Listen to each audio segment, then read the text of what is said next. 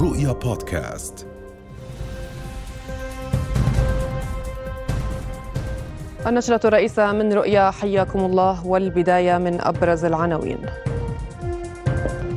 أسبوع دام في شرق المتوسط تهديد أمريكي ووحشية في تل أبيب وغضب شعبي عارم في الأردن وعواصم عربية وأجنبية.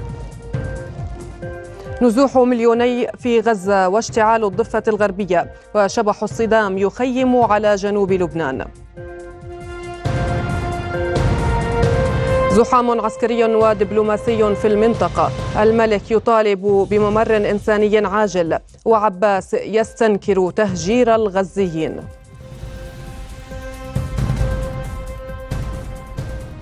أهلا بكم. مع دخول طوفان الأقصى يومه السابع تسارع عداد ضحايا عدوان الاحتلال المتواصل على غزة إلى 1800 شهيد. فيما تخطى عدد المصابين حاجز الستة آلاف مصاب. وتكثفت حركة النزوح من شمال شرق القطاع إلى وسطه وغربه في مشهد كربلائي. وفي المقابل أعلن الاحتلال ارتفاع عدد قتلاه إلى 1300 قتيل والجرحى إلى 3436 إلى جانب خطف 120 من الجنود والمستوطنين في طوفان السبت الماضي. هذا وقصفت مدفعية الاحتلال مناطق حدودية في قطاع غزة. كما شنت غارات على حي التفاح وجباليا وتل الهوى والشجاعية في قطاع غزة. وطلب الاحتلال المدنيين في غزة بإخلاء بيوتهم والتوجه نحو الجنوب. وفي تصريحات لكتائب القسام على لسان أبو عبيدة قصفت المقاومة مطار بن غوريون وأطلقت 150 صاروخا على عسقلان و50 صاروخا على سيدروت كما استهدفت مقر قيادة المنطقة الشمالية في صفد بصاروخ. كما ورد أبو عبيدة على دعوات الاحتلال لإخلاء شمال غزة قائلا إن الهجرة ليست موجودة في قاموس الغزيين إلا لمدنهم المحتلة. كما أكد أن المقاومة بجعبتها الكثير في الساعات القادمة. وفي مؤتمر صحفي مع نظيره الأمريكي أقر وزير دفاع الاحتلال بأن طوفان الأقصى ضربة قاسية جدا. وأكد مواصلة قواته العمل على إخراج حركة حماس من قطاع غزة. لافتا إلى أن الحرب ستكون طويلة الأمد. وفي الضفة الغربية استشهد 12 مواطنا برصاص الاحتلال وأصيب 245 آخرون بمواجهات في طول كرم ونابلس وطوباس وبيت لحم ومدينة الخليل. لترتفع حصيلة شهداء الضفة الغربية إلى 47 شهيدا منذ السبت الماضي. ومن بين الشهداء طفل أصيب برصاص الاحتلال خلال مواجهات قرب حاجز بيت فوريك العسكري شرق مدينة نابلس. هذا وأطلقت قوات الاحتلال أعيرة نارية كثيفة باتجاه شبان الضفة الغربية بعد خروجهم في مسيرات تندد بجرائم الكيان في قطاع غزة. كما اندلعت مواجهات في محيط جدار الفصل والتوسع العنصري غرب ضاحية شويكة شمال طول كرم وحاجز عناب العسكري. الشهداء والمصابون في الضفة الغربية وصلوا تباعا إلى المستشفيات. حيث يسارع الموجوعون في حضرة الغياب لإلقاء نظرة وداع أخيرة على أحبائهم بعد أن قمع الاحتلال مسيرات غضب عمت مدن الضفة الغربية.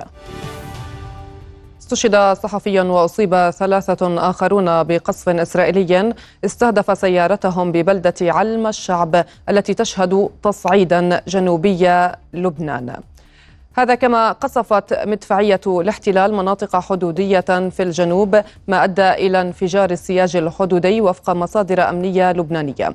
وادعت سلطات الاحتلال أن قصفها استهدف إحباط محاولة تسلل مسلحين من الجانب اللبناني وإطلاق نار باتجاه قواتها.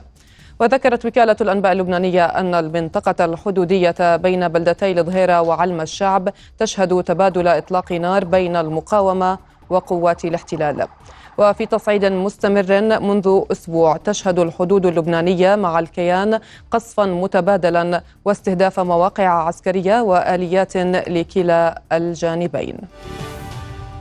وللوقوف على ما يحدث في جنوب لبنان تنضم إلينا الآن مراسلة رؤيا هناك جوانا نصر الدين أهلا بك جوانا إذا جوانا قوات الاحتلال تستهدف الطواقم الصحفية. حدثينا عن مجريات الصورة الآن في لبنان. تصعيد خطير اليوم تصعيد عسكري خطير بالمنطقة اليوم. كانت لم ينتهي هذا اليوم ولكن قبل قليل أصيب الجسم الصحافي اللبناني بهذا بهذا من هذا الاحتلال.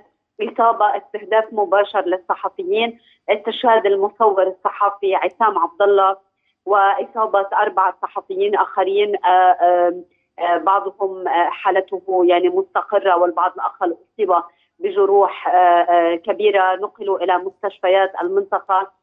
إحدى السيارات الصحفية استهدفت بشكل مباشر واحترقت آه، آه، تماما.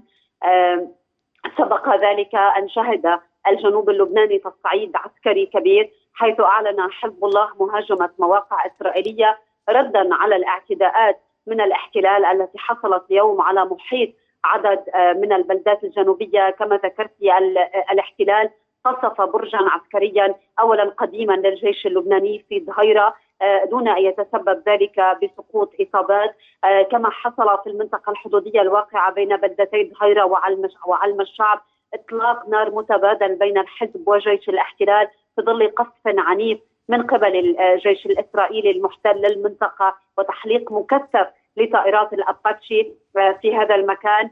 آه، آه، إلى ذلك آه، كنا ذكرنا في معلومات خاصة برؤيا أنه مصدر أمني يقول أنه كانت هناك محاولة تسلل لمجموعة فلسطينية وأن انفجارا وقع عند السياج الأمني المتاخم لبلدة حانيتا وعلى إثرها قام جيش الاحتلال ببدء القصف على هذه المناطق.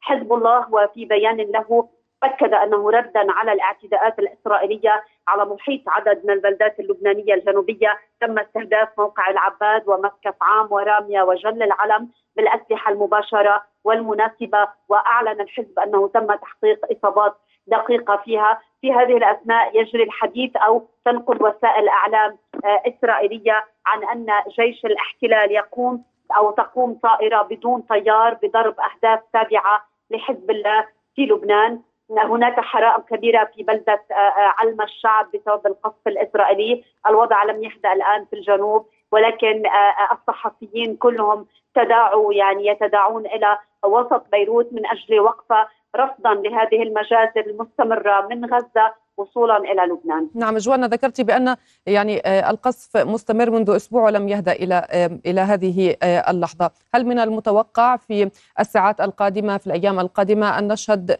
هدوء تام في جنوب لبنان؟ هذا أمر لا يمكن لأحد أن يتكهنه أو يتوقعه لأنه يعني اليوم شهدنا هدوءا طيلة فترة ما قبل الظهر وبعدها اشتدت حده الأوضاع وكل يوم كذلك إنه اليوم السادس اليوم ولم تهدأ جبهة الجنوب. يعني يكون هناك هدوء وترقب وهدوء حذر ومن ثم يعود هذا التصعيد. لا يمكن لأحد أن يتكهن بمجريات الأمور آه، ولكن نشهد تصعيدا مستمرا يوما بعد آخر. وبالتالي كما نقول دائما كل الأمور مفتوحة على كل الاحتمالات تهدأ أحيانا ويعود الوضع إلى الاشتعال أحيانا أخرى. يعني الهدوء لا يمكن حسمه في هذه الساعة أو هذه اللحظة. نعم نشكرك جزيل الشكر جوانا نصر الدين كنت معنا من لبنان. ننتقل الآن إلى مراسلة رؤيا أسيل. أهلا بك أسيل سليمان. تنضمين إلينا الآن من مدينة رام الله. إذا كنت شاهدة على أحداث طيلة اليوم اشتباكات وأيضا تطورات في مدينة رام الله. ضعينا بصورة ما حدث طوال اليوم إلى هذه اللحظة. نعم ما زلنا على المدخل الشمالي لمدينة البيرة حيث حاجز آه، مغتصبة بيت إيل آه، الموجود والذي يشكل نقطة الاشتباك والمواجهة الرئيسية بين الشبان المقاومين و قوات الاحتلال منذ ساعات الصباح وبالتحديد بعد صلاة الظهر حيث انطلقت المسيرة المركزية من أمام مسجد البيرة الكبير أو مسجد عبد جمال عبد الناصر. انطلقت هذه المسيرة المركزية إلى وسط مدينة رام الله ومن ثم انطلقت إلى نقاط التماس المختلفة لكن المواجهات الأساسية وبشكل أساسي كانت آه، على آه، بيت إيل على حاجز مغتصبة بيت إيل المدخل الشمالي لمدينة ألبيرة. منذ اشتعال هذه المواجهات يعني نتحدث عن نهار كامل والشبان يشتبكون مع قوات الاحتلال في مواجهات يجابهونهم بالحجارة وال نعم والنيران اضرام الإطارات النيران المطاطيه المشتعلة نعم والإطارات المطاطية المشتعلة. آه، كانت هناك عدة حالات آه، إصابة خطيرة نقلت عبر سيارات الإسعاف من آه، هذا الحاجز إلى المستشفيات. قبل قليل ورد خبر استشهاد طفل من بلدة العيسوية بالقرب من القدس المحتلة. عدد الشهداء اقترب اليوم من الخمسين شهيدا. هذا خلال سبعة أيام فقط في الضفة الغربية منذ بداية عملية طوفان الأقصى ومنذ بداية عدوان الاحتلال على على آه، قطاع غزة. أقول اقترب من الخمسين لأننا يعني في أثناء تحدثنا قد يرتفع العدد إلى أكثر من ذلك. إصابات خطيرة بالعشرات نتحدث عن أكثر من 400 إصابة أو 500 إصابة في الحقيقة منذ بداية عملية طوفان الأقصى. معظمها خطيرة بالصدر البطن الرأس أيضا. تصل المستشفيات. قبل قليل أيضا تم كانت آه، طواقم الأطباء قد أعلنت استشهاد طفل لكن منذ قليل أعلن الأطباء أنهم نجحوا في إنعاش قلبه آه، مجددا. هذا ناهيك عن حركة المستوطنين التي تنتشر بين القرى والمدن وتستفرد بالمواطنين وعائلاتهم بالقتل والتخريب والاستهداف وإطلاق آه، الرصاص الحي. المواجهات ربما تستطيعون أن تروا يعني تنشط وتخمد بين الساعة والأخرى. الشبان كما ذكرت يشتبكون مع قوات الاحتلال منذ ساعات الصباح الأولى. أيضا آه، نقاط المواجهة مع الاحتلال لا تقتصر على مدينة رام الله إنما منذ انطلاق المسيرة المركزية بعد صلاة الظهر اليوم في جمعة طوفان الأقصى تنتشر نقاط التماس في جميع المدن الفلسطينية. كانت هناك إصابة خطيرة أيضا آه، قبل قليل آه، في قرية بدرس غرب رام الله خلال المواجهات المندلعة. يعني كما ذكرت الإصابات الخطيرة تتتالى. هناك أيضا آه، آه، يعني كلما نشر كلما آه، يعني خرجت أخبار من قطاع غزة الصور الفيديوهات المؤلمة. يعني كان هناك حديث أيضا أن وزارة الاتصالات ستقطع الإنترنت بشكل كامل عن قطاع غزة بدءا من يوم غد. أيضا نعم. أيضا الأخبار التي تصل من السجون تشعل الشارع الفلسطيني باستمرار. هناك أخبار الاعتداءات يعني على الأقسام واقتحامها والعزل. أسيل بما يخص الأسرى في السجون. هل من يعني من تطورات كان هناك آه، قطع للماء والكهرباء عنهم يوم أمس؟ آه، ما آخر التطورات في آه، في سجون الأسرى داخل الضفة الغربية؟ منذ اليوم الأول لعملية طوفان الأقصى والوضع على ما هو عليه في السجون يعني منذ اللحظات الأولى أطلق يعني صب الاحتلال غضبه على الأسرى في سجون الاحتلال.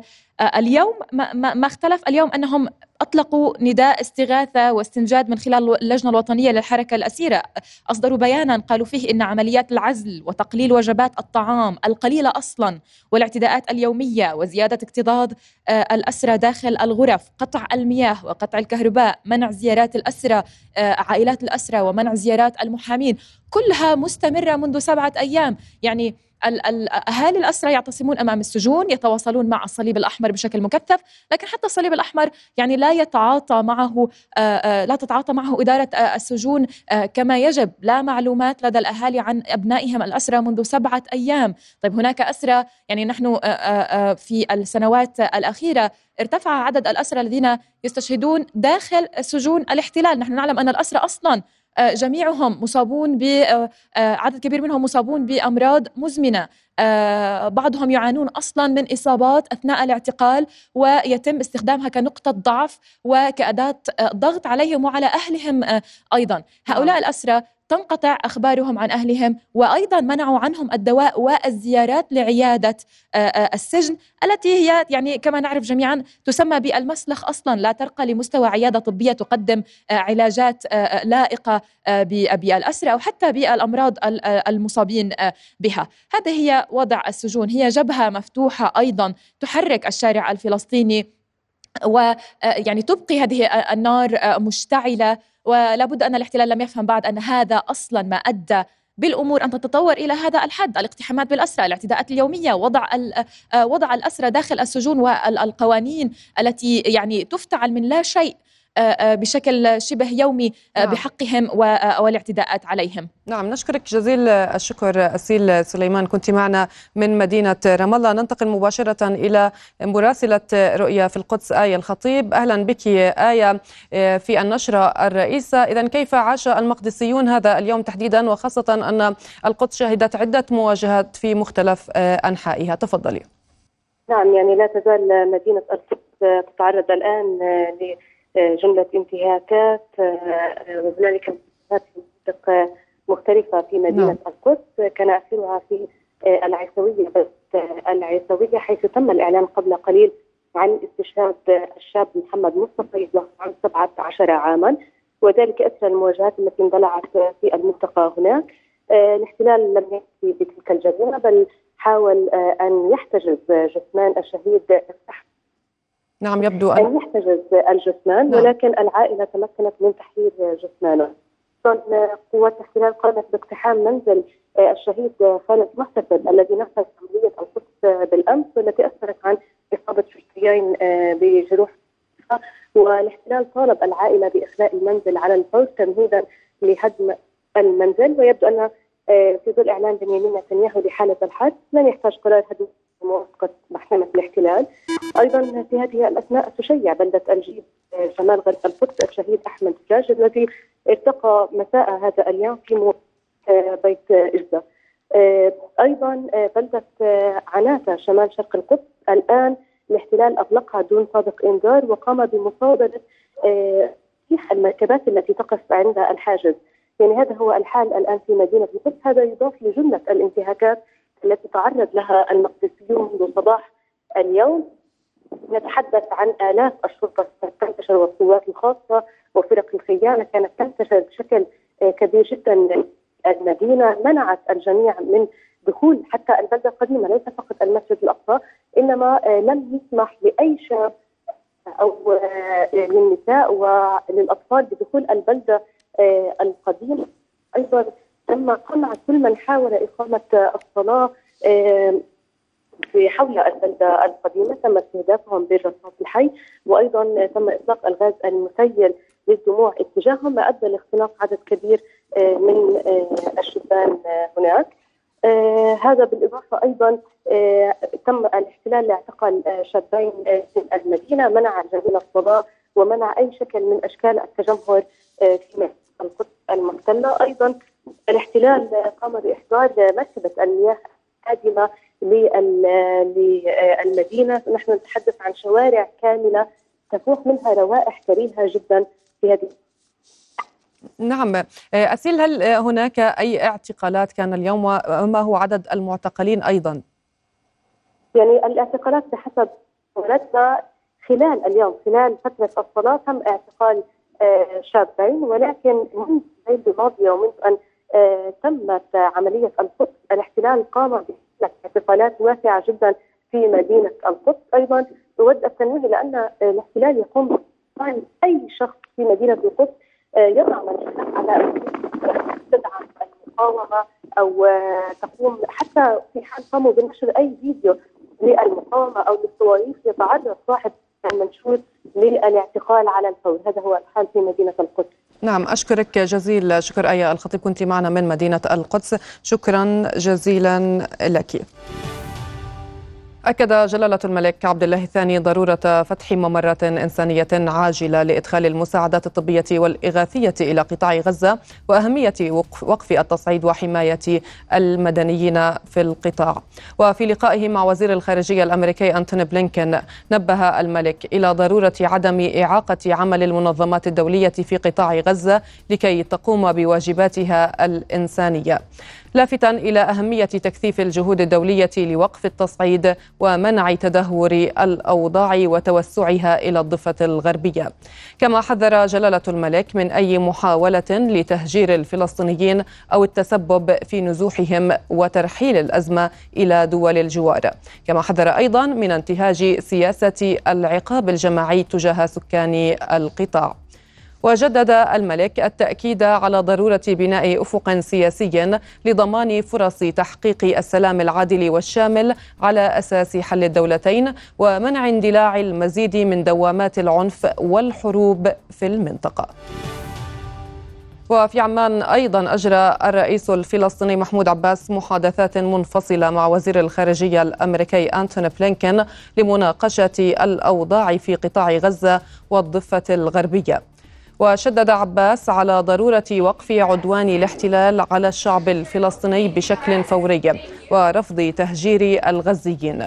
محذرا من نكبة ثانية بعد 75 عاما على تهجير الفلسطينيين من وطنهم وطالب بفتح ممرات إنسانية عاجلة لقطاع غزة وتوفير المستلزمات الطبية وإيصال المياه والكهرباء والوقود للمواطنين هناك وحذر عباس من حدوث كارثة إنسانية في القطاع جراء توقف إمدادات الخدمات الإنسانية وتوقف محطة توليد الكهرباء الوحيدة.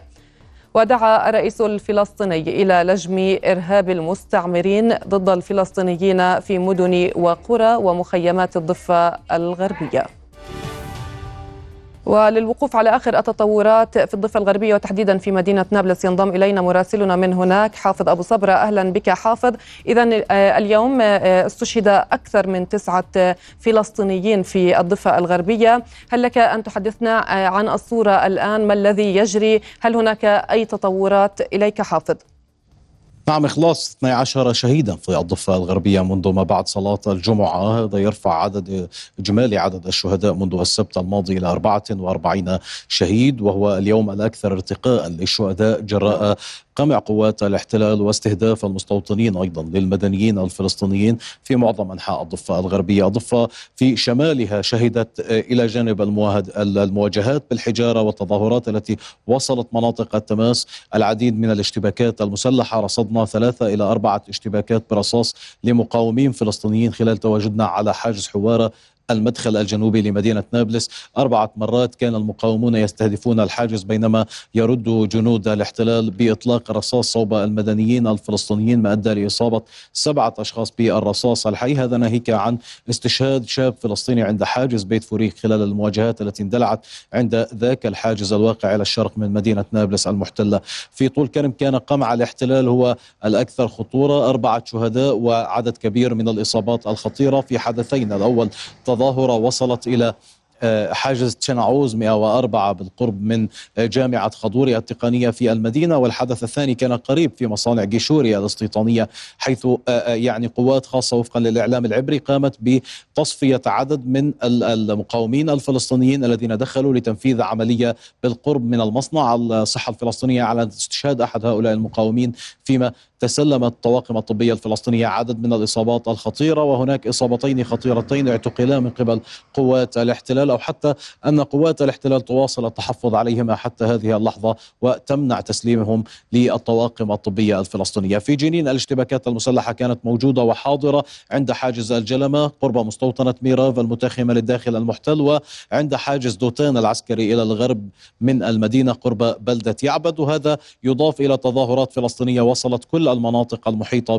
بجنين والقريبة من جدار الفصل العنصري الشائك الذي يفصل جنين عن الأراضي المحتلة عام 48 بالإضافة لهناك تسجيل ثلاثة إصابات عند الجدار الشائك قرب مرج بن عامر الفاصل بين المدينة والداخل المحتل. في سلفيت كان هناك مواجهات وعدد من الإصابات إضافة لإصابات خطيرة في قرية عاطوف قرب أو جنوب شرق طوباس والأغوار الشمالية المحتلة وإصابات أيضا في قلقيلية حيث اندلعت مواجهات قرب المدخل الشمالي للمدينة وهو المدخل الوحيد الذي يسمح الاحتلال من خلاله للمواطنين من الدخول والخروج إلى القرية.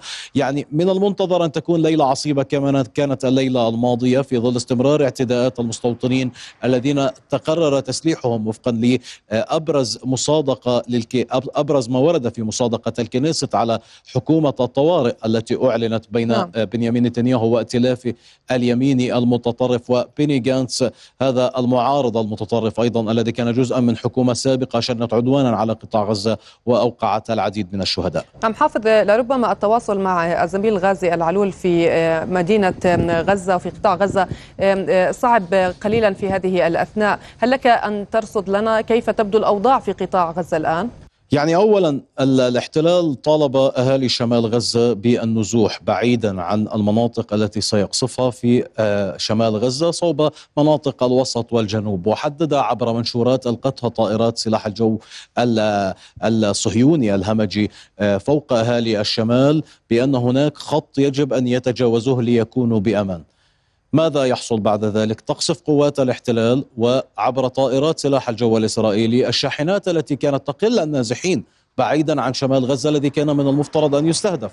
استهدفت طائرات الاحتلال المناطق الجنوبية، هناك آه، يعني عدد كبير من الشهداء وفقا لمقاطع مصورة وردت من هناك ويعني الاستهدافات متواصلة في ظل أن الاحتلال لا يميز لا بين مناطق شمال ولا وسط ولا جنوب في قطاع غزة. ولا ممرات إنسانية آمنة إلى هذه اللحظة؟ الهدف القضاء حتى الآن لم يوافق على أي نوع من أنواع التسهيلات بما يتعلق بممرات إنسانية لخروج السكان من المناطق المستهدفة أو حتى لإيصال الإمدادات للسكان. منذ قليل كان هناك حديث عن استهداف مستشفى الدرة آه، آه، للأطفال بقنابل الفسفور الأبيض رغم أن المستشفى تم إخلاؤه بشكل كامل وهذا يعني أن مستشفى جديد في قطاع غزة خرج عن الخدمة الاحتلال يواصل استهداف كل ما يمكن أن يعين سكان قطاع غزة وهذا الشعب الصامد على الحياة ليوم إضافي. في ظل أننا نتحدث عن سبعة أيام من العدوان المميت الذي يختلف عن كل العدوانات التي استهدفت قطاع غزة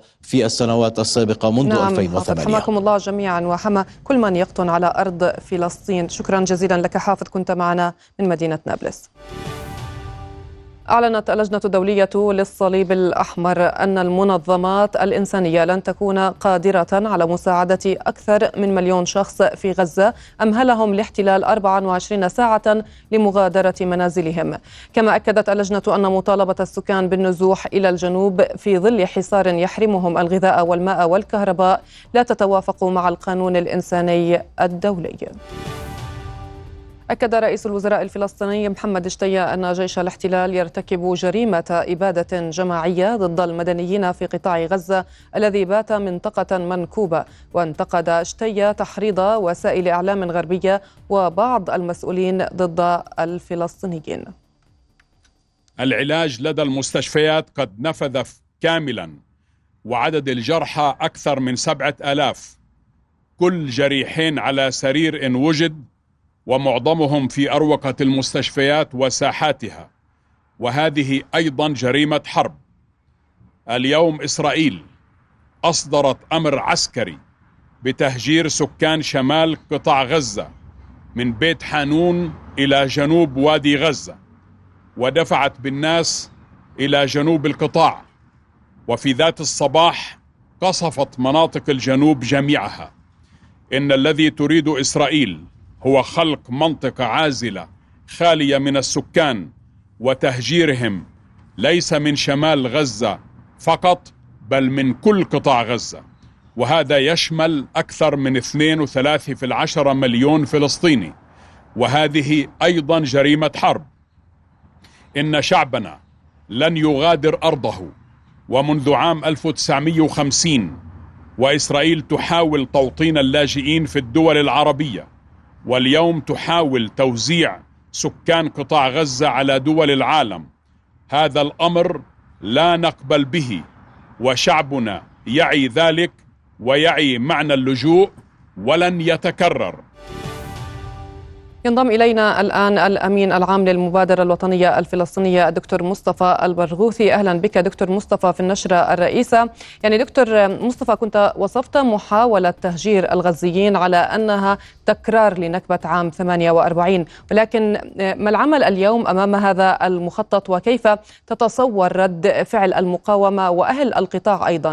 أهل القطاع بواسل وصامدين ولكن ما يتعرضون له خطير جدا. هناك ثلاث جرائم حرب ترتكب مع ضدهم بشكل متواصل بعد أن حاولت إسرائيل تشويه صورتهم ونزع إنسانية الفلسطينيين وتشاركت في ذلك مع الولايات المتحدة الذي ينبري وزير خارجيتها ليكون متحدثا باسم. باسم الإسرائيليين ويكرر كل الأكاذيب التي ابتدعها نتنياهو والتي تثبت الحياة عدم صحتها الذي نراه اليوم ثلاث جرائم أولا جريمة الحصار على غزة كما تعلمون حرمانه من الماء والدواء والعلاج والأكل ومنع أي وصول أي مساعدات إنسانية إلى قطاع غزة. بما في ذلك قصف معبر رفح لمنع ذلك والتهديد بقصف أي قافلة تأتي من مصر لإيصال مساعدات إلى غزة. الأمر الثاني الجريمة الكبرى بهذا القصف العشوائي الذي تمارسه الطائرات الإسرائيلية بشكل وحشي والذي أودى بحياة آه، يعني آلاف آه، والآن حوالي 400 طفل تم قتلهم بهذه الطريقة الوحشية. الأمر الثالث الآن محاولة تنفيذ تطهير عرقي جديد ضد الشعب الفلسطيني بترحيل أهل غزة إلى مصر. هذا هو الهدف الحقيقي لنتنياهو. وقاله بصراحة أن كل فلسطيني يجب أن يغادر بيته في قطاع غزة. وقال الناطق العسكري باسمه أنه على الفلسطينيين أن يغادروا بيوتهم إلى مصر. الآن تجري عملية تهجير وحشية من الشمال للجنوب والخطوة التالية طبعا محاولة الدفع بالجميع نحو مصر. هاي نكبة كبيرة يجب أن نتصدى لها جميعا لكن مش بس أهل غزة دكتور مصطفى مصر كانت يعني منذ ساعات قد أعلنت رفضها لبيان الجيش الإسرائيلي بالدعوة بدعوة الغزيين إلى الاتجاه إلى جنوب قطاع غزة. يعني كيف تتوقع أو ماذا تتوقع من مصر في في الأيام المقبلة؟ إن كان الهدف من من هذا التهجير هو جعل سيناء لربما هي وطن بديل لأهل غزة. هم يريدوا أن يجعلوا سيناء وطن بديل لأهل غزة ويريدوا أن يجعلوا الأردن وطن بديل للضفة الغربية. يعني إذا نجحوا في التطهير العرقي في, في غزة سينتقلوا إلى الضفة الغربية التي بالمناسبة آه، حدثت فيها هجمات خطيرة من إرهابيين مستوطنين اليوم. رأينا صور إرهابي يطلق الرصاص على فلسطيني من مسافة صفر. أمس قاموا بقتل ستة من الشهداء في قرية قسرة في نابلس واليوم وصل عدد الشهداء منذ بدأت هذه الأحداث إلى 42 في الضفة الغربية. لذلك آه، أنا برأيي ما الذي يجب أن يفعل؟ الدول العربية يجب أن تفعل أكثر. الآن يجب أن تفهم الولايات المتحدة أن تفهم الولايات المتحدة أن كل مصالحها ستتعرض للخطر.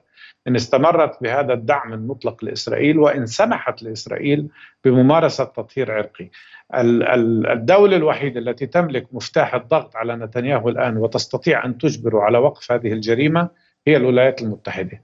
وإذا أشعرت الدول العربية الولايات المتحدة بأنها ستقوم بخطوات جدية هذا سيكون له تأثير. وأنا أريد أن أحيي الجماهير العربية الرائعة في الأردن وفي آه، كل الدول العربية الذين خرجوا نصرة لشعبنا اليوم ويجب أن تستمر هذه التظاهرات الشعبية على مدار الأسبوع حتى يتم الضغط على إسرائيل لإيقاف هذه الجريمة.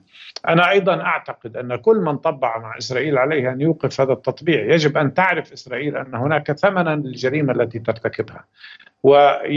وبما في ذلك طرد سفرائهم، بما في ذلك اتخاذ إجراءات ضدهم. هؤلاء لن يرتدعوا إلا إذا شعروا أن هناك تكلفة للجريمة التي يقومون بها والتي يرتكبونها. يعني ماذا بقي أكثر مما قامت به إسرائيل؟ إسرائيل تسوي قطاع غزة بكامله الآن بالأرض. آلاف وآلاف وآلاف البيوت يجري تدميرها. آه كما قلنا مئات الفلسطينيين يجري قتلهم وقد يصل الأمر إلى آلاف بعد ذلك.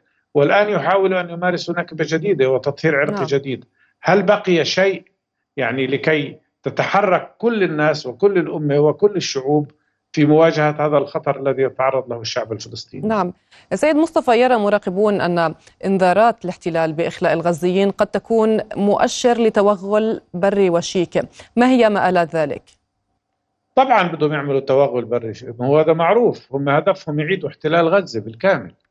بس المرة مش بس بدهم يعيدوا احتلال غزة هم من اعادوا احتلال غزة وبقيوا أهل غزة فيها سيواجهوا المقاومة مرة أخرى هدفهم تطهير غزة عرقيا. هدفهم ارتكاب جريمة حرب بترحيل كل أهل غزة ثم احتلال غزة ثم ضم غزة لإسرائيل. ما وقف نتنياهو في الأمم المتحدة قبل ثلاث أسابيع اللي مش اللي مش مش مصدقني يرجع يتفرج على الخارطة اللي حملها. هاي الخارطة خارطة إسرائيل فيها كل الضفة الغربية ضمها لإسرائيل. كل قطاع غزة ضمه لإسرائيل. والجولان المحتل كله طبعا ضمه لإسرائيل وكذلك القدس. يعني رفع الخارطة أمام العالم وهذا قبل أن تجري كل هذه الأحداث. إذا الخطة الحقيقية لنتنياهو وحكومته الفاشية المجرمة العنصرية هي ضم وتهويد كل فلسطين. هذا قلناه منذ سنوات وهذا الذي يثبت قطعا. وبالتالي هؤلاء لا يفهموا إلا لغة القوة. الفلسطينيون قاموا بما يستطيعون القيام به من مقاومة شعبية ومن مقاومة باسلة بكل الأشكال. الآن الدور على كل المحيط العربي لأنه المهدد هنا ليس الفلسطينيين بل كل العرب جميعا. وأنا أثق بشعوبنا العربية وأثق بدعمها المطلق للشعب الفلسطيني وأثق بأنها ستقوم بكل ما تستطيع من أجل ردع هذا العدوان الإجرامي ومن أجل منع تطهير عرقي جديد. أنا أقول اليومين القادمات حاسمات. يجب أن نستنفر كل طاقاتنا وقوتنا للضغط على إسرائيل وعلى الولايات المتحدة لمنع نكبة جديدة ضد الشعب الفلسطيني. نعم هنا نتحدث نتحدث عن قراءتك سيد مصطفى للموقف الدولي وأيضا جهود وقف التصعيد في قطاع غزة بعد أسبوع كامل على آه، الطوفان وخاصة ان أنه إلى هذه اللحظة لم يتم فتح ممرات إنسانية آمنة لخروج آه، آه، أهالي قطاع غزة وعلاج أهالي قطاع غزة وأيضا إيصال المواد الإغاثية إليهم. يا أختي نحن لا نريد ممرات إنسانية لكي يخرج أهل غزة. نريد ممرات إنسانية لكي تدخل إليهم المعونات التي تتراكم الآن في منطقة آه، في منطقة العريش. ويعني الكثيرون قدموا الكثير بما ذلك في ذلك منظمات فلسطينية وعربية ودولية. وهي جاهزة لكي تنقل إلى قطاع غزة سواء كانت مياه أو مواد غذائية أو أدوية. أو مواد وأجهزة طبية ولكن إسرائيل هي التي تمنع ذلك. نحن لا نريد ممر إنساني كي يخرج الفلسطينيون يخرج الفلسطيني. أنا كنت أقصد آه، أستاذ مصطفى يعني الحالات آه، الصعبة التي تعرضت لإصابات خطيرة وحرجة. هذا ما قصدته. هذا موضوع آخر. بس نعم. المهم الآن أن لا يسمح بتنفيذ ما دعا إليه كيربي. وهو الناطق باسم وزارة الجيش الأمريكية أو وزارة الدفاع الأمركية الذي قال أن الممر الذي يجب أن يفتح مع مصر يجب أن يكون في اتجاه واحد في اتجاه مصر. إذا الهدف هنا هناك تآمر أمريكي إسرائيلي مشترك ومعا من أجل تنفيذ تطهير عرقي ضد الشعب الفلسطيني وهذا ما يجب الوقوف في وجهه الآن وبكل الوسائل. أنا راقبت المؤتمر الصحفي اليوم اللي تحدث فيه بلينكن وكرر كل كرر كل ما تقوله إسرائيل بما في ذلك الأكاذيب والأكاذيب التي تذكرنا بالأكاذيب التي قيلت عن العراق قبل اجتياحه. في حين اشترك بوش وبلير ورامسفيلد وآخرين في الادعاء أن العراق يمتلك أسلحة دمار شامل ولذلك لابد من احتلاله. بعد ذلك بعشر سنوات اعترفوا أنه لم يكن هناك أي أسلحة دمار شامل ولكن من يعيد الآن مليون عراقي إلى الحياة قاموا بقتلهم. من يعيد العراق إلى ما كان عليه الوضع سابقا؟ اليوم يريد أن يكرروا بفلسطين نفس الأكاذيب. بلينكين قال إنه يجب أن لا نعود إلى ما سماه status آه، أنا أقول نعم لا يجب أن نعود ل status quo status quo ماذا؟ ليس وجود أطراف مقاومة فلسطينية وإنما وجود الاحتلال الأطول في التاريخ البشري الحديث الذي تحول إلى نظام ابرتايد عنصري إجرامي. هذا ما يجب أن يزال. وهذا هو سبب كل الآثام وهذا سبب كل التوتر وسبب كل الحروب نعم هل تهدد عملية طوفان الأقصى اليوم آه، سيد مصطفى عشرات المشروعات آه، الإسرائيلية مع بعض الدول العربية لربما؟ الذي يهدد هذه المشاريع يجب أن يكون آه، ما قامت به إسرائيل من جرائم ضد الشعب الفلسطيني ويعني بأي عين يعني يريد أي زعيم عربي الآن أن يلتقي مع الإسرائيليين ويطبع معهم. بعد كل هذه الجرائم التي يرتكبونها ضد الفلسطينيين لم يبقى هناك أي مبرر لهذا التطبيع. وطبعا الخط الذي أفشل الذي افشلته المقاومة ثلاث أشياء. اولا أفشلت الانطباع العام بأن إسرائيل كلية القدرة وجيشها لا يقهر. الضربه العسكريه التي تلقتها إسرائيل والفز وال وال وال والفشل الإسرائيلي عسكريا وسياسيا و استخباراتيا كان ماحقا ومن قبل قوة مقاومة وليس دولة يعني لديها جيش. وبالتالي هذه أول إنجاز تحقق. الإنجاز وبالتالي الدول اللي كانت تراهن على أنه إسرائيل بدها تحميها هاي إسرائيل بتستنجد بالأسطول الأمريكي وبأمريكا في مواجهة قوة مقاومة واحدة. وبالتالي الحديث عن إنه إسرائيل كلية القدرة تبخر. الأمر الثاني الذي بددته المقاومة هي إمكانية تصفية القضية الفلسطينية عبر التطبيع، لأنه هدف التطبيع الأساسي كان تهميش القضية الفلسطينية تمهيدا لتصفيتها. وكأنه السلام حل وكل شيء على ما يرام. اليوم الفلسطينيون بمقاومتهم وبسالتهم وتضحياتهم أعادوا القضية الفلسطينية غصبا عن من يريد ومن لا يريد إلى الطاولة وأفشلوا محاولة تهميشها عبر التطبيع. نعم سيد مصطفى ما هي آه، اتجاهات المعركة في قادم آه، الأيام وإلى أين الأمور ذاهبة؟ آه، أنا برأيي هناك نحن على مفترق طرق، هناك احتمال من احتمالين، الاحتمال الأول بمعجزة ما أن تدرك الولايات المتحدة أن مصالحها الآن أصبحت معرضة للخطر وأن يدركوا انه إسرائيل ستتكلف لسه خسائر أكبر مما تكلفت ونتيجة سلوكها العدواني.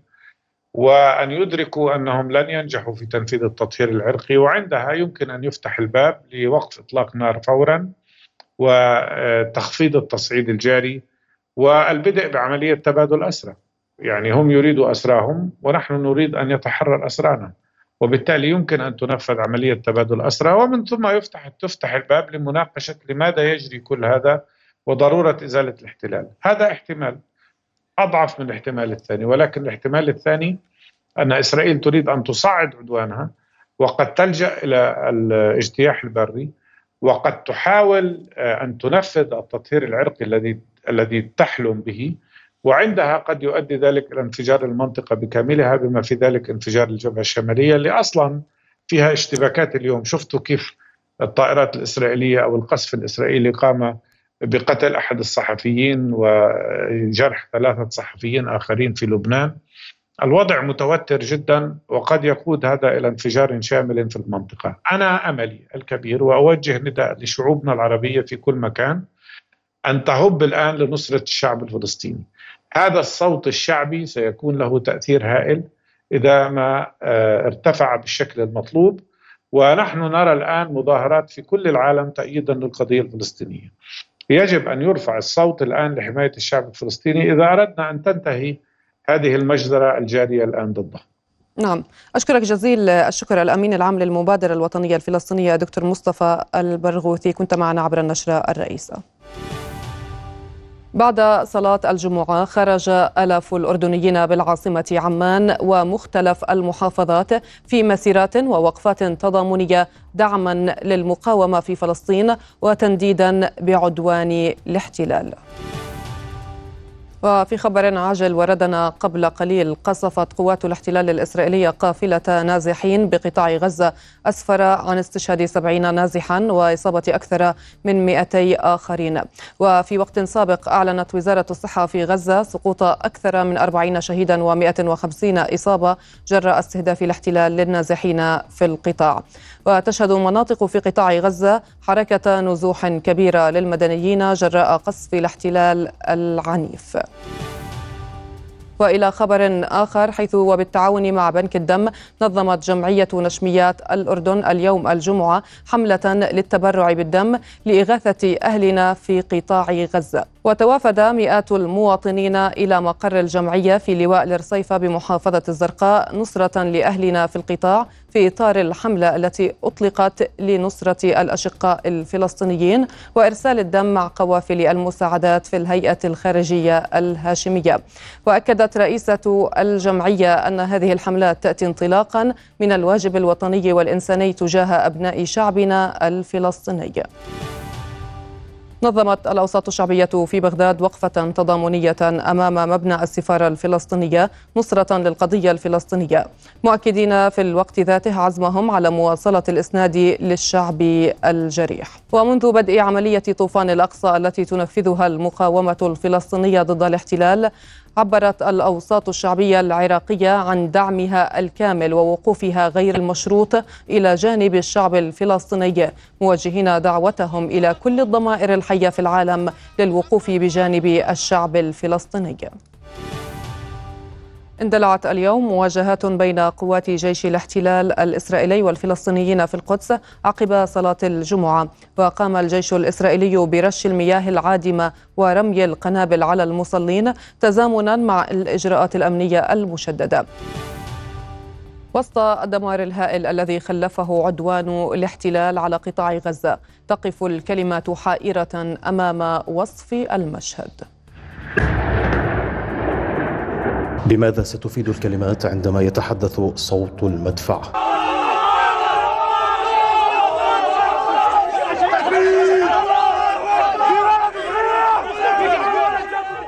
هنا غزة نكبة ثانية. لمن لم يستطع أن يتخيل أحداث نكبة الفلسطينيين الأولى عام 48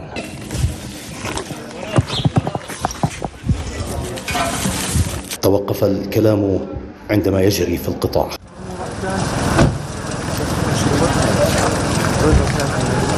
ولربما في وقت قريب ستتوقف صور المآسي الآتية من هناك هو التحذير الأخير في ظل نقص كل شيء في غزة. إلا الصمود والكرامة.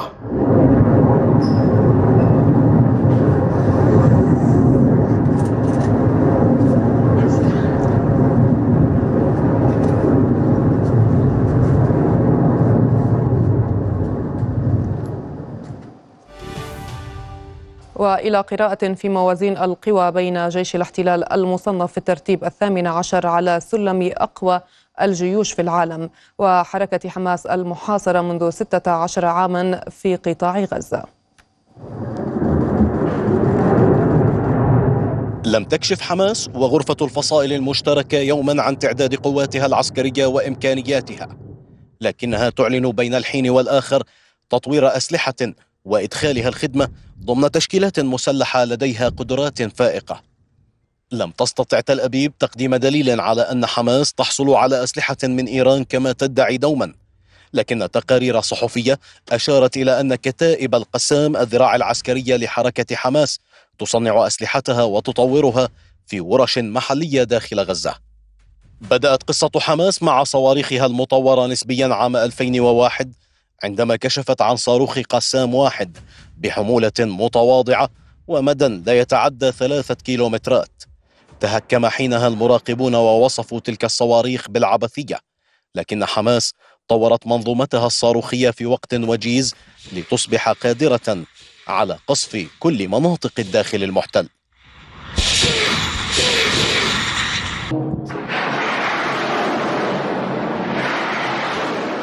في المواجهة الأخيرة في السابع من أكتوبر أعلنت الحركة إطلاق خمسة ألاف صاروخ منها صاروخ عياش الذي يصل مداه 250 كيلومتر وجعبري 80 الذي عطل قدرة القبة الحديدية وكسر تباهي تلابيب بامتلاكها بحسب حماس. كما أنها تمتلك أيضا صواريخ رجوم قصيرة المدى واستخدمتها كغطاء ناري للمقاومين الذين اقتحموا المستوطنات في محيط غلاف غزة فجر السبت. لا تتوفر بيانات دقيقة عن عدد عناصر عز الدين القسام المنخرطين في العمل العسكري أو عناصر الفصائل الأخرى لكن الكتائب أوضحت أنها أدخلت إلى المستوطنات ألف عنصر من نخبة مقاتليها وأنها تمدهم بالرجال والذخيرة والسلاح في مواقع القتال مع جيش الاحتلال.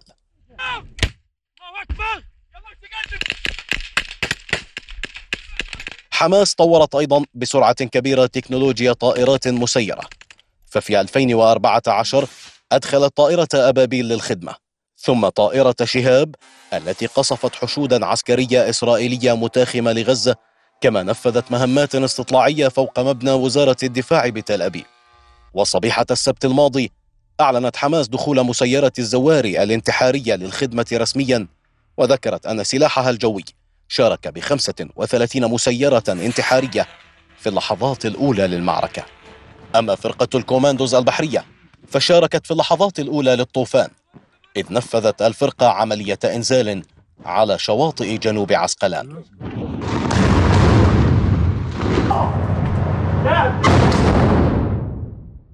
فيما كشفت حماس السبت عن وحدة صقر العسكرية التي نفذت ما وصفته بالعبور الجوي إلى المستوطنات. وتظهر مشاهد بثتها الحركة عناصر من المقاومة يستخدمون دراجات مزودة بمروحيات ومظلات لعبور حدود القطاع جوا إلى المواقع العسكرية ليشتبكوا مع جنود الاحتلال. كل هذا يضاف لقدرات سبرانية بتطور فائق قادرة على العبث بتكنولوجيا الاحتلال العسكرية المتفوقة. وإعلام عسكري ينقل الصورة والمعلومة والبيان أولا بأول وأسلوب قادر على رفع المعنويات. بدأت حماس هذه المعركة بصورة العبور الكبير وتستمر بنقلها للاشتباك المتواصل وإطلالات ضيف الشاشات الملثم بكوفيته الحمراء. لا تزال قواتنا متواجدة وتدير القتال وتخوض اشتباكات متواصلة.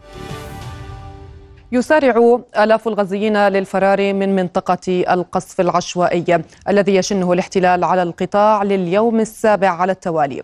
ولا يجد الغزيون المذعورون ملجأ في جميع محافظات القطاع الخمسة المستباحة تحت صواريخ الاحتلال وغاراته. إغلاق المعابر الثلاثة مع العالم الخارجي يحول دون فرار آلاف العائلات المكلومة. وهذه المعابر هي كرم أبو سالم وإيرز مع الأراضي المحتلة ورفح مع دولة مصر. ونزح حتى الآن 380 ألفا تجمعوا في 110 مراكز للإيواء في جميع المحافظات وعند أقرباء ومعارف خارج دوائر الاستهداف بحسب المكتب الإعلامي لحكومة حماس. وأسفر القصف عن تدمير 2540 وحدة سكنية بالإضافة إلى أضرار جانبية في 22 ألف وحدة و850 وحدة سكنية تقوم على مساحة القطاع. يقوم قطاع غزة على مساحة تبلغ 365 كيلو متر مربع. محافظات القطاع الخمس تضم 42 تجمعا سكنيا منها خمس مخيمات مكتظة. ويتجمع غالبية سكانها في مخيمات اللاجئين التالية. مخيم جم... جباليا عفوا الذي أنشئ هذا المخيم عام 1948 يضم تقريبا 89305 أو 56 نسمة. أما ننتقل الآن إلى مخيم الشاطئ الذي يقع غرب مدينة غزة على شاطئ بحر غزة يضم قرابة 84903 نسمة. وبالنسبة لمخيم الانصراط وهو من المخيمات الكبرى في قطاع غزة من حيث عدد السكان والمساحة فيضم 62.568 نسمة. ننتقل إلى مخيم البريج الذي يقع جنوب مدينة غزة ويضم 35,228 نسمة وبالانتقال إلى مخيم دير البلح وهو أصغر المخيمات أو مخيمات اللاجئين في قطاع غزة. ويضم هذا المخيم 11500 أو 658 نسمة. وبالانتقال إلى مخيم المغازي وسط قطاع غزة والذي يضم 23585 نسمة. وأخيرا مخيم خان يونس الذي يقع على بعد كيلومترين عن شاطئ البحر الأبيض المتوسط إلى الشمال من رفح والذي يضم 47744 نسما وأيضا هناك مخيم يسمى مخيم تل السلطان الذي يسكنه الفلسطينيون عام 1948 يضم أيضا 23754 نسما وأخيرا مخيم رفح الذي يقع في قلب مدينة رفح إلى الجنوب من قطاع غزة قرب الحدود المصرية يضم 58351 نسما. إذا جثث الأطفال الشهداء والخوف في عيون من تبقى منهم هو المشهد الذي يسود الآن في القطاع الذي يتعرض للقصف العنيف منذ أسبوع. وإلى مدينة مراكش المغربية العدوان على غزة والقضية الفلسطينية بشكل عام جذب اهتمام الصحفيين ووسائل الإعلام في اجتماعات الخريف السنوية لصندوق النقد والبنك الدوليين لكن الأجندات الرسمية لم تدرج اعتداءات الاحتلال على جداولها بشكل مباشر. وعلى هامش اجتماعات الخريف السنوية لصندوق النقد والبنك الدوليين في مراكش المغربية. أكد مدير مركز الفينيق للدراسات الاقتصادية أحمد عوض أن الحرب التي يشنها الاحتلال الإسرائيلي على قطاع غزة ستؤثر بشكل مباشر على عمليات التنمية في فلسطين المحتلة وسائر المنطقة. هذا وانتقد غياب القضية الفلسطينية وجرائم الاحتلال بحق الشعب الفلسطيني عن أجندة هذه التظاهرة السنوية التي تجمع سياسة سياسيين واقتصاديين من مختلف دول العالم. استمرار الاحتلال الإسرائيلي منذ أكثر من سبعة عقود آه، لفلسطين أدى وما زال يؤدي وسيؤدي في المستقبل إلى حقيقة عرقلة كل مسارات التنمية في المنطقة. ونتحدث عن ذلك ونحن نشارك كممثلين عن منظمات المجتمع المدني الأردنية في الاجتماعات السنوية لصندوق النقد الدولي والبنك الدولي في المدينة المغربية مراكش.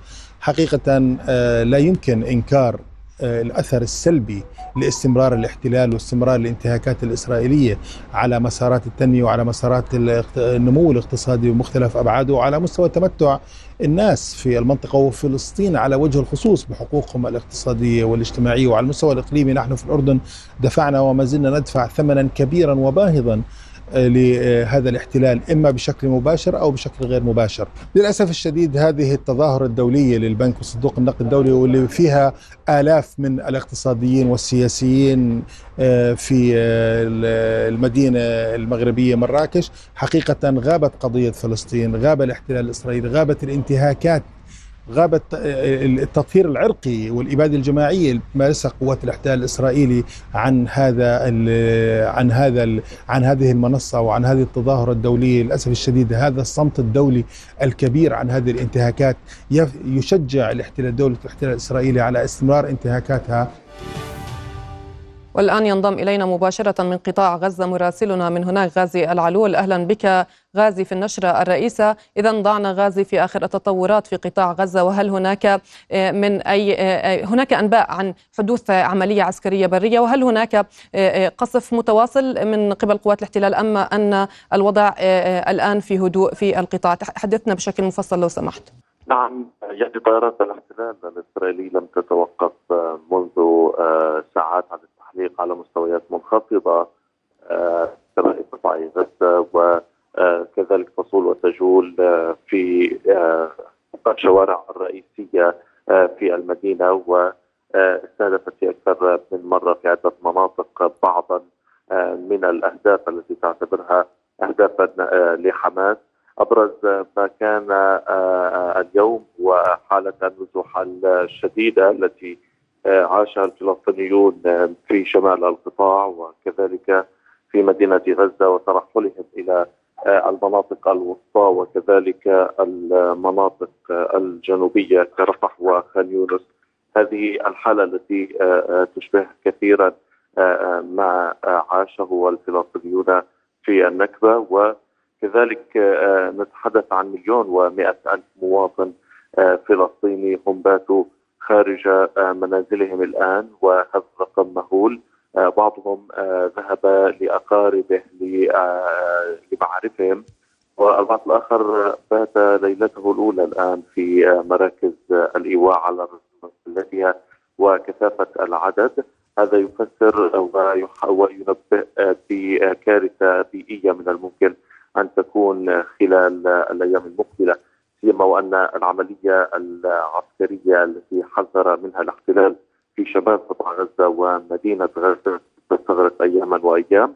آه، آه، ومن الممكن أن تتطور لتكون آه، معركة برية هذا ما يخشاه الفلسطينيون.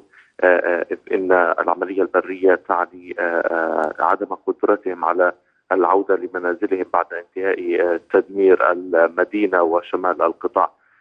يعني آه، كذلك أنا اليوم مبيت ليلتي الأولى خارج آه، يعني ما أو أنا وعائلتي نبيت الليلة الأولى خارج منزلنا و يعني في الحقيقة هي مشاعر صعبة وحالة من القلق على المنزل وما ستؤول إليه الأمور خلال الساعات المقبلة مع بدء الاحتلال تنفيذ وعوده بشأن استهداف كل المناطق التي أوضحها في تهديداته وتحذيراته. يعني تبقى التساؤلات وحالة التشويش لدينا واضحة خاصة أننا لا نستطيع التواصل جيدا مع الأقرباء في الأماكن الأخرى بسبب عدم توفر الإنترنت. انقطاع التيار الكهربائي لليوم الرابع على التوالي أي أيضا انقطاع المياه. هذه كلها أزمات تؤثر بشكل سلبي على الحياة الموجودة نعم. هنا. ولا يوجد أي ممر إنساني إلى هذه اللحظة ولا إيصال للمواد الإغاثية والإنسانية إلى القطاع غازي؟ ابدا آه لا يمكن الحديث عن قوافل انسانيه عفوا وكذلك عن إغاثية آه آه سيما وأن الاحتلال متعنت في هذا الجانب لا يريد أن يفرج يعني ولو قليلا عن الفلسطينيين في غزة هو يبحث زيادة الضغط على حماس من خلال المدنيين. حركة حماس التي أكدت بان بأنها ترفض مثل هذه الأشكال من الهجرة. هذا فيما يتعلق بما حدث اليوم من حالة ولكنها تؤكد بأن الهجرة يجب أن تكون هي هجرة العودة إلى الأراضي المحتلة عام 48 ولكن على أي حال الواقع مختلف تماما لما نريده ونرغبه. الاحتلال أجبرنا اليوم وأجبر أكثر من مليون مواطن غزي على الخروج. هؤلاء يحتاجون بالفعل إلى قوافل إغاثية. لم تسير حتى هذه اللحظة إليهم ولم تصل رغم كل الجهود من المملكة الأردنية الهاشمية وكذلك مصر وبعض الدول العربية الأخرى.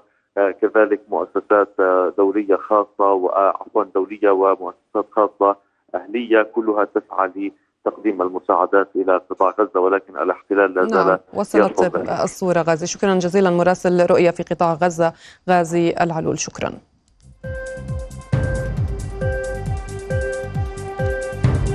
وصلنا إلى ختام النشره الرئيسه في أمان الله.